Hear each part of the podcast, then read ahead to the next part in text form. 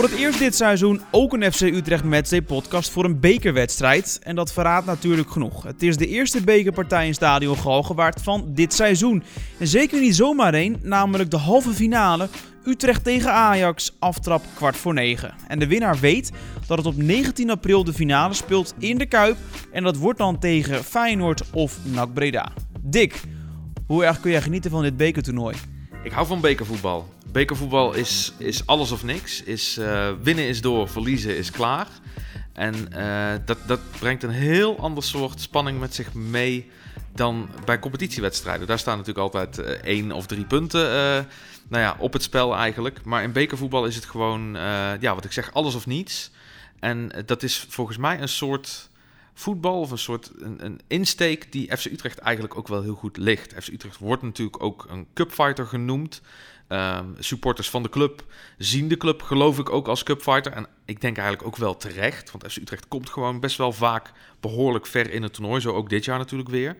Um, nou ja, en als ik naar mij persoonlijk kijk, ik geniet er uh, ja, eigenlijk altijd enorm van, van bekervoetbal. Ik vind het uh, misschien wel de mooiste wedstrijden eigenlijk van, uh, van het jaar. Ja, jij hebt gewerkt voor zowel RKC Waalwijk en nu dus al een, een heel aantal jaren voor FC Utrecht. Ja. Waarin heb je de mooiste bekerervaringen meegemaakt? Ja, toch wel hier in Utrecht. Ik, ik uh, werkte inderdaad bij RKC. En RKC is natuurlijk qua omvang uh, nou ja, wat kleiner dan FC Utrecht. Met RKC wel ooit de halve finale van het toernooi uh, mogen meemaken. Toen speelden we uit tegen Ajax. Dat leverde uiteindelijk geen overwinning op. Um, maar dat was heel mooi om mee te maken. Maar een van de, van de dingen die ik toch wel dacht toen FC Utrecht um, voor mij in beeld kwam, was eigenlijk van ja, dat, dat is wel een club. Als ik daar ga werken, dan kan ik ook weer eens dingen meemaken die ik in Waalwijk niet heb meegemaakt. En nou ja, een van die dingen die heel hoog op mijn lijstje stond, was: het, het zou me ontzettend gaaf lijken om vanuit mijn werk, mijn functie, uh, ook een bekerfinale is mee te maken. En uh, nou, ik, ik, keek eerlijk naar bijvoorbeeld naar RKC en ik keek ook eerlijk naar FC Utrecht. En toen dacht ik, ja, volgens mij is de kans dat zoiets in de Domstad voor mij gaat gebeuren, die is gewoon groter. Hetzelfde gold trouwens voor Europees voetbal. Ik dacht toen ook van, och, dat lijkt me toch heel mooi om eens mee te maken. Een, een Europees avontuur. Nou, die heb ik hier inmiddels ook de nodige mogen hebben. En dus ook een cup final. Dat was uh, 2015, 2016. En uh, nou, toen hebben we die bekerfinale dus uh, gespeeld. Geweldig. Ik heb er op mijn manier ontzettend van genoten. Ik, voor mijn gevoel zat ik eigenlijk in het oog van de storm. Dus er gebeurde van alles, uh, zeker op zo'n dag dan. Um, nou ja, en ik, ik zat letterlijk en figuurlijk aan de knoppen en ik beheerde allerlei kanalen waar, nou ja, waar, waar ook hartstikke veel reuring op was. Dus dat was super mooi mee te maken. En uh, nou ja, dit seizoen zie je eigenlijk met de ronde die je verder komt, dat, dat bekerbloed ook steeds verder gaat borrelen bij alles en iedereen rondom de club. En zo'n eerste ronde in, in reizen, dan is het allemaal nog nou ja, vooruit, de beker begint en we spelen tegen Excelsior 31, is een gereputeerde amateurclub, maar het toernooi moet nog een beetje op gang komen. Groningen uit was gelijk natuurlijk een, een serieuze hobbel, maar die werd genomen. In een, in een half volle of half lege, net hoe je het wil zien, uh, Hitachi Capital Mobility Stadion. Uh, nou daarna naar Eindhoven toe, mistig, ontzettend koud trouwens. Ik, ik, voel mijn tenen pas weer sinds kort nadat ik daar toen ben weggesjouwd. Dat was ongelooflijk. Maar door, in met een vol uitvak, dwars door de, uh, door de spits heen vanuit Utrecht naar Eindhoven gereisd. En dan merk je al van, hé, hey, het, begint, het begint steeds serieuzer te worden. De eindstreep komt dichterbij en het begint steeds meer te leven.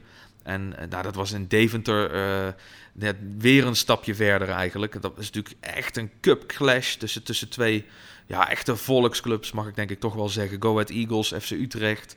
In het donker, in een volgepakt Adelaarshorst met een volgepakt uitvak. Dat was een super ambiance. En uh, nou ja, die 1-4 overwinning die heeft ervoor gezorgd dat wij hier nu met z'n tweeën tegenover elkaar zitten. Om te mogen en te kunnen praten over een halve finale wedstrijd Utrecht-Ajax. Ja, de laatste halve finale was een thuiswedstrijd tegen VVSB. Hoe heb je die wedstrijd destijds beleefd? Ja, dat vond ik ook super. Um, dat was een hele bijzondere wedstrijd. In die zin dat een profclub speelde tegen een amateurclub. Dat neemt altijd een bepaalde dynamiek met zich mee. Maar al helemaal in de halve finale van het toernooi. Um, er is nog nooit een amateurclub geweest die de finale heeft gehaald. Um, VVSB dus wel gereikt tot de halve finale. Dat was een unicum. Daar schreef eigenlijk de hele Nederlandse pers berichten daarover. Van god, nou de amateurs uit Noordwijkerhout... Hè, die de ene na de andere profploeg erin leggen... en zomaar bij de laatste vier van Nederland zitten. Dat was op zich al een sprookjesachtig verhaal voor VVSB. En, en eigenlijk moet je het zien, Stadion Galgenwaard was al een beetje hun kuip. Eh, de halve finale was al een beetje hun finale. Dit was eh, één groot volksfeest eigenlijk voor iedereen uit Noordwijkerhout en omstreken. En die kwamen met ontzettend veel mensen deze kant op. En dat was voor hun echt een belevenis. Maar tegelijkertijd, en dat maakte het zo'n interessante wedstrijd, vond ik, was het voor FC Utrecht als BVO, als eredivisieclub met ambitie, natuurlijk gewoon business. Er moest gewoon gewonnen worden van uh, voetbalvereniging Sint-Bavo, zo simpel was het. En dat moest wel nog eventjes geklaard worden, die klus. En um, dat was niet eens zo heel eenvoudig, om, vanwege toch een bepaalde spanning. VVSB kon redelijk vrij uitspelen, was één groot feest, genoten er volop van, niks te verliezen, konden eigenlijk alleen maar winnen. En voor FC Utrecht was dat eigenlijk precies het tegenovergestelde. En uh, nou ja, dat zorgde toch wel voor, voor toch een bepaalde spanning hier. In een uitverkocht stadion trouwens. Met een geweldige sfeeractie vooraf. Dat, dat herinner ik me ook nog heel goed. Ik word er iedere dag aan herinnerd als ik hier binnenloop. Hoofdingang, Stadion Galgenwaard. Mocht je een keer in de buurt zijn, loop er eens binnen. Gigantische plaat aan de muur van die sfeeractie van toen. Nou, dat is, dat is, ik ga niet zeggen dat het iedere keer als ik er langs loop kippenvel is, want dat is niet zo. Maar het doet me wel iedere keer terugdenken aan die dag. En dan denk ik, potverdorie, dat was toch wel een van de mooiere dagen die ik hier in dit stadion en bij deze club heb mogen meemaken. En, en nou ja, dat, dat alles kwam samen toen. En Utrecht won uiteindelijk met, met best nog wel wat moeite. Maar Utrecht won 3-0. Ja, geweldig feest. Ja, dat was natuurlijk een uh, halve finale. Uiteindelijk uh, werd er gewonnen. Resulteerde dat dus in de finale. Hoe vaak, voor de mensen die dat niet weten, heeft Utrecht in de finale gestaan? En vooral, wanneer was het succesvol? Nou, FC Utrecht heeft uh, al zes bekerfinales gespeeld. En met wisselend succes. Maar uh, nou ja, drie daarvan zijn, zijn gewonnen. En uh, dat is iets waar nou ja, best wel veel clubs natuurlijk hartstikke jaloers op zijn. De eerste keer dat het lukte om de beker te pakken, dat was in 84, 85. Toen werd Helmond Sport verslagen. In 2002, 2003 de finale tegen Feyenoord. Ik denk dat veel mensen zich nog redelijk goed kunnen herinneren. Of in ieder geval de beelden en de foto's ervan uh, goed voor de geest hebben. En 2003, 2004, dat was in ieder geval vooralsnog de laatste keer. FC Twente werd toen geklopt. Dat was toen. Nu is het seizoen 2019-2020. Voor Utrecht, Dick, jij het dan een beetje verklapt. Maar begon het bekerseizoen dus in Rijssen waar met 4-1 werd gewonnen van Excelsior 31. In de ronde erna volstond één goal van Isa Abbas. Op bezoek bij Groningen stond na 90 minuten een 0-1 stand op het scorebord. De ronde erna verliep vrij stroef. Een verlenging in Eindhoven bij de plaatselijke FC. En Jean-Christophe Bahebek maakte uiteindelijk de bevrijdende 1-2 uh, Utrecht door naar de volgende ronde. Nou de bekerpartij van... Uh, paar uh, weken geleden tegen Go Ahead Eagles in Deventer. Die staat ongetwijfeld nog vers op je netvlies. 1 tegen 4 wordt dat. Hoe het bekerseizoen tot nu toe klonk? Nou zo. Trotse mensen, trots op de club. Excelsior 31 en met recht. De bal op het juiste moment gespeeld wordt. Is Abbas door. Komt uh, er ook nog aan? Of gaat Abbas dat helemaal zelf doen? Makienok is er. En die gaat er inderdaad 4-1 van maken. Bal is voor Kerk, die moet hem voorgeven op Abbas. En dan is het een doelpunt. En scoort de invaller. Van der Brom bekert maar weer eens door. Mede dankzij uh, goed keeperswerk van Paas. Ternauwernood gekaatst door Baerbek. Aanval loopt door en bal op de paal, maar hij zit erin. Hier is het laatste fluitsignaal. Go Ahead heeft uh, genoeg mensen terug. Maar Peterson kan dit en scoort schitterend in Deventer. Daar waar uh, Utrecht zich uiteindelijk vrij gemakkelijk plaatst voor de halve finale van het bekertoernooi. Dat was Deventer. Over naar onze razende reporter zou ik willen zeggen, in Rijssen. Nee, alle gekheid op een stokje, Corné. Die eerste bekerwedstrijd van dit seizoen, dat was voor jou misschien wel de meest bijzondere in een bepaald opzicht, toch? Ja, ik vond dat een... Uh een hele mooie, want wij hadden het uh, een paar weken voor die wedstrijd hadden we het er nog over. Wordt het, volgens mij ging het om Dongen. Ja, klopt ja. Brabant. Of het was uh, Overijssel, Excelsior 31. En toen zei ik alleen al, nou ja, om de geografische ligging. Overijssel, dat is voor mij wat, uh, uh, wat gunstiger dan, dan Brabant. plus Excelsior 31 heeft in de competitie gezeten. een paar seizoenen geleden bij Flevo Boys. En ik maakte daar toen Club TV in de hoofdklasse. Dus voor mij was het eigenlijk een weerzien met heel veel oude bekenden, zowel op het veld als daarbuiten. Je moet je voorstellen dat op dat niveau teams best wel intact blijven. Uh, in het amateurvoetbal. Uh, zo heel snel verruilen mensen niet uh, van de een naar de andere club. Dus ik herkende nog best wel veel spelers. Ook vanuit ja, mijn tijd bij Flavor Boys. En heb ze toen ook zien scoren. en vond het daardoor extra leuk dat Utrecht uiteindelijk naar, naar reizen mocht. En het leefde daar vooral. Dat vond ik vooral het meest mooie om te zien dat zoveel mensen ook naar dat sportpark toekomen. Uh, vuurwerk, vlaggen, spandoeken. Het was voor die club echt heel wat om Utrecht te mogen ontvangen. En dat um, heeft op mij bijvoorbeeld veel meer indruk gemaakt dan het nou ja, laten we het gewoon eerlijk over zijn. Uh, het was een beetje sfeerloos in Eindhoven. Uh, iedereen dacht, nou ja, tussendoor en had toch niet echt die bekercharmers. En dan, dan vind ik het toch altijd leuker als een amateurclub, in dit geval Reizen, thuis speelt. En dat Utrecht daar op bezoek is. Dan, dan komt er veel meer beleving bij kijken. Dus dat was in alle opzichten voor mij veel leuker dan, uh, ja. Dan ja, met alle respect die andere clubs. Mooie accommodatie ook, hè? Omzoomd met, met, met meerdere rijen reclameborden. En op de een of andere manier, dat klinkt misschien heel plat... Maar dat geeft zo'n sportpark toch vaak net even wat meer allure dan wanneer je bij wijze van spreken op het weiland van Boer Harm staat te kijken. Ja, nou ja, in Friesland hebben ze bijvoorbeeld uh, Boys, wat daar echt de club is. Ja. Met, uh, met, die hebben zelfs van die geautomatiseerde reclameborden. Dus die kunnen, weet je, van die rollen. Ja, van die roterende boarding. Ja, ja. ja dat, dat, dat, is, dat is gewoon leuk om te zien. En zo heb je, ga je iets naar het oosten, heb je al HC Hardenberg. Ga je nog iets verder naar het zuiden, in Overijssel, dan heb je al, uh, ja, dat, dat vind ik dan hartstikke leuk om te zien. Excelsior 31. Ja. Ja, dat is, uh, hoewel, Hardenberg is ook Overijssel. Dat weet ik eerlijk gezegd even niet. Hardenberg is ook ja. Overijssel, ja, ja. ja. We moeten een tour gaan maken een keer. Een tour? Ja, op rondreis met Corné. Moet ik dat? Dan alle, ja, gaan we alle clubs langs. Oké, okay, nou is goed, doen we dat. Ja. Maar Excelsior 31, ja, dat is dus eigenlijk een soort van, uh, ja, zoals IJsselmeervogels inderdaad uh, voor een Utrechter is. Voetbalbolwerk. Een voetbalbolwerk. Dus uh, nee, leuk om te zien. Maar van al die leuke ervaringen van onszelf, Dick, en van de, de road uh, toe de ja, semifinal, hè, de, de weg naar de halve finale, schakelen we denk ik snel door naar uh, Utrechts Paspoort. De rubriek waarin jij uh, test hoe goed de luisteraar weet welke speler in het verleden bij de FC heeft gespeeld. En de club waar Utrecht het tegen opneemt. In dit geval dus een speler die zowel bij Utrecht als Ajax heeft gespeeld. Soms, Dick, vind ik ze vrij goed te doen. Soms ook behoorlijk pittig. Wie, oh wie, zoek je deze keer? Ik denk dat deze te doen moet zijn. In ieder geval voor een echte crack zoals jij, moet dat te doen zijn. Wat ik erover uh, over kan vertellen, over de speler naar wie ik op zoek ben, in dit geval, is dat hij natuurlijk heeft gespeeld. Jij zei het net al eigenlijk een klein beetje, maar hij heeft bij Ajax gespeeld. Heeft vooral wel heel veel wedstrijden voor FC Utrecht gespeeld, maar hij heeft ook in Spanje gevoetbald en in Amerika. En daar heeft hij ook de nodige jaren gespeeld. Uh, en niet bij de minste clubs. Ik ga ze even opnoemen, alleen al omdat het zo'n mooie clubnamen zijn. Maar Kansas City Wizards, daar heeft hij voor gespeeld. New York Red Bulls en FC Dallas. En dat waren allemaal clubs dus waar deze voetballer voor uitkwam, die we in Utrecht, ik denk het allemaal nog wel heel goed kennen. Wie het is, dat vertel ik later. Hey, en komt deze speler ook voor in de FC Today? Nee, deze komt niet voor in de FC Today. Maar uh, Mark van der Marel wel. Nou, dat is ook iemand die we allemaal kennen. Um, Waarom Mark van der Marel? Ja, nou Mark is aanvoerder geweest in de halve finale wedstrijd FC Utrecht VVSB. Het uh, was dus de laatste keer eigenlijk dat we een halve finale speelden, eh, überhaupt, maar in eigen stadion. En um, nou, nu uh, dus weer zo'n halve finale wedstrijd in eigen stadion. Toen dachten we, weet je wat, wie kan er nou beter vertellen hoe zoiets leeft eigenlijk en, en wordt ervaren, ook in de spelersgroep.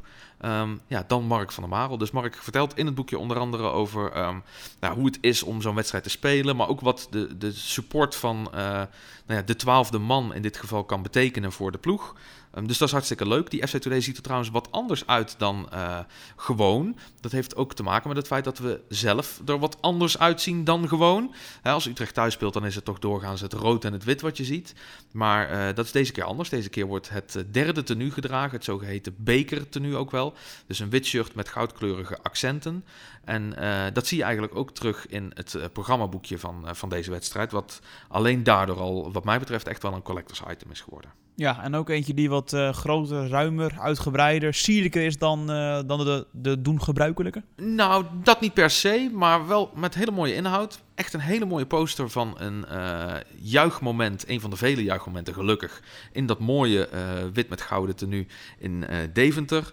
Um, nou, verder lees je uh, er nog uh, wat statistieken en uitslagen van het bekertoernooi zelf. Een verslag met mooie foto's van het bezoek aan het Wilhelmina Kinderziekenhuis dat de selectie vorige week bracht.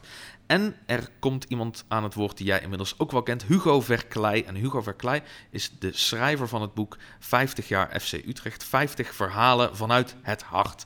En dat boek komt binnenkort uit, op 1 juli eigenlijk, hè, ter gelegenheid van het 50-jarig bestaan van FC Utrecht. Ja, en die Hugo Verkleij, daar uh, spreken wij in een uh, volgende ja, podcast uh, mee. Dat mogen we wel weggeven, toch? Nu? Nee, zeker. Ja, dat, ge dat, geven we inderdaad gewoon weg. Een, Primeurtje.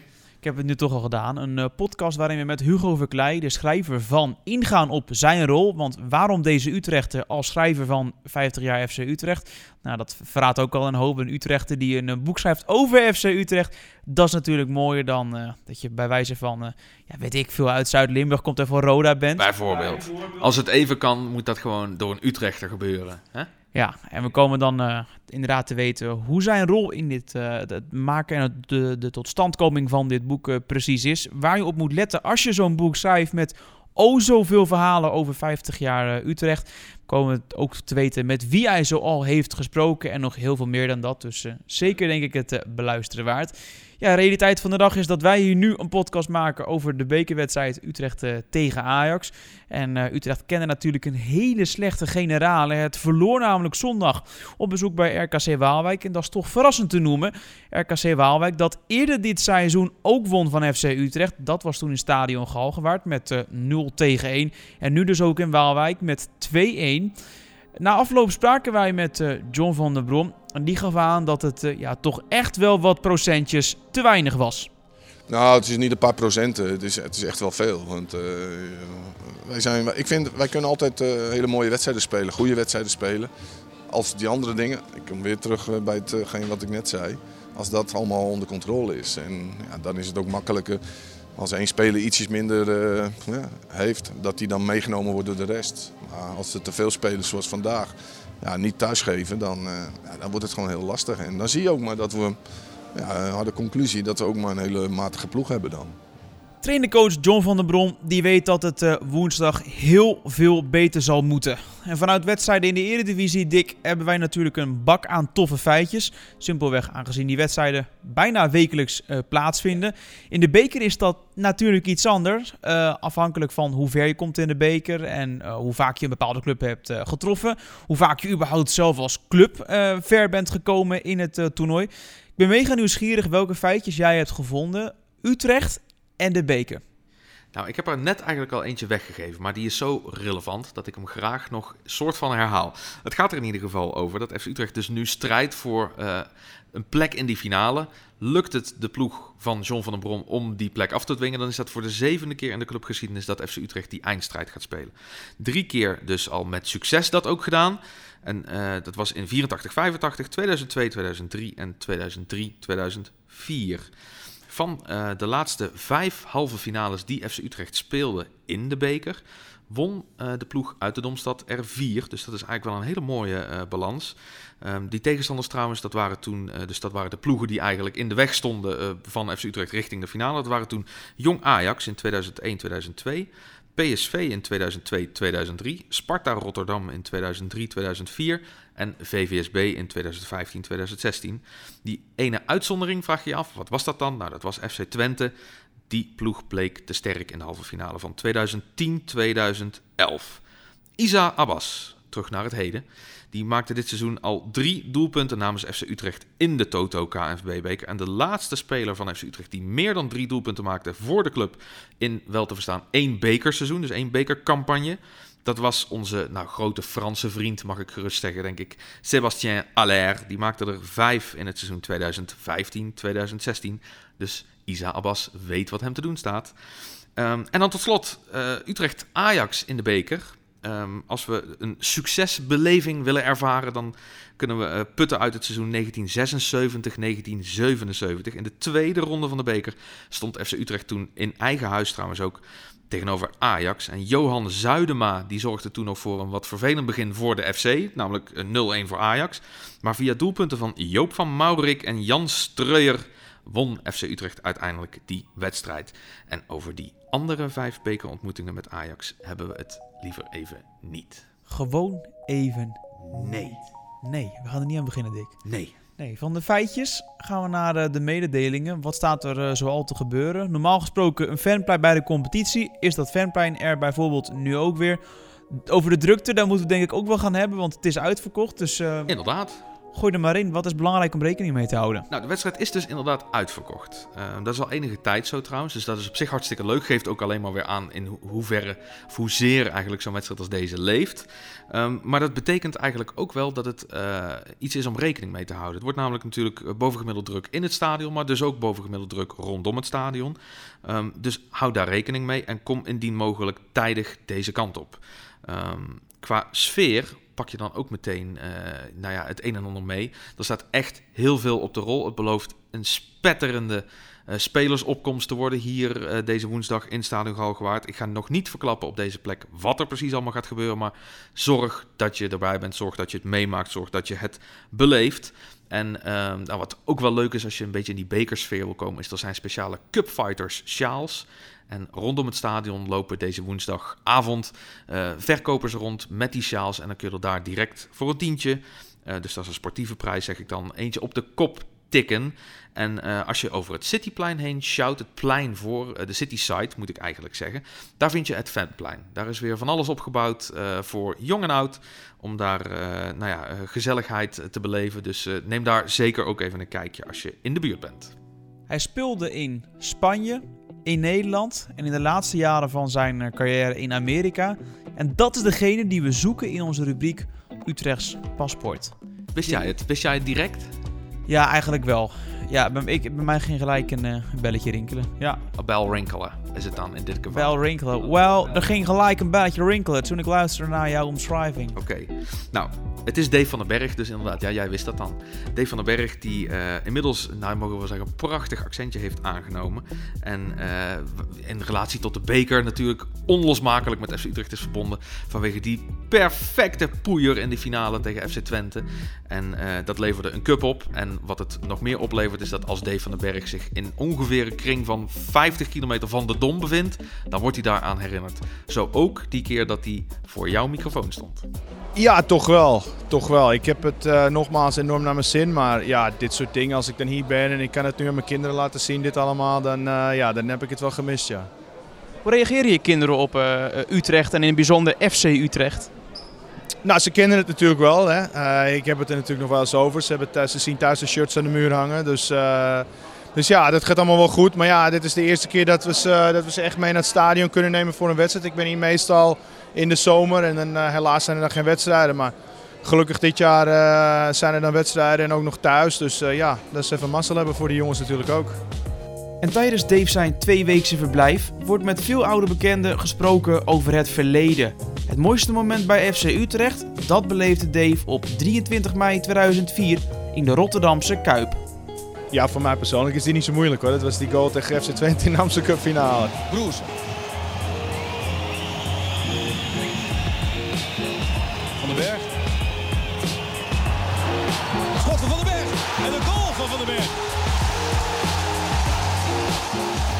Ja, veel, uh, veel mooier kon het voor mij persoonlijk niet, uh, niet meer worden na dat moment natuurlijk. Uh, hoewel we daarna nog, nog fantastische resultaat, resultaat hebben gehaald. Hè. Nog steeds Europees gehaald, elk jaar weer. Dus ja, nogmaals, een van de meest mooie en succesvolle periodes uit mijn carrière. En, en gelukkig ook voor de club. Dus dat was goed. Ja, dat was D. van den Berg. Toen dus heerlijk terugblikkend op dat doelpunt van hem in de bekerfinale tegen FC Twente. En nu vooral supporter van FC Utrecht, maar dan toch vooral ook op afstand. Dit was hem weer, de FC Utrecht Matchday podcast. Een uh, ja, extra uitgave, want normaal gesproken zijn we er natuurlijk vooral in de competitie. In een uitverkocht stadion Galgenwaard moet het woensdag om kwart voor negen gaan gebeuren. En laten we hopen dat wij over een aantal weken weer bij je zijn, maar dan met een episode voor de finale.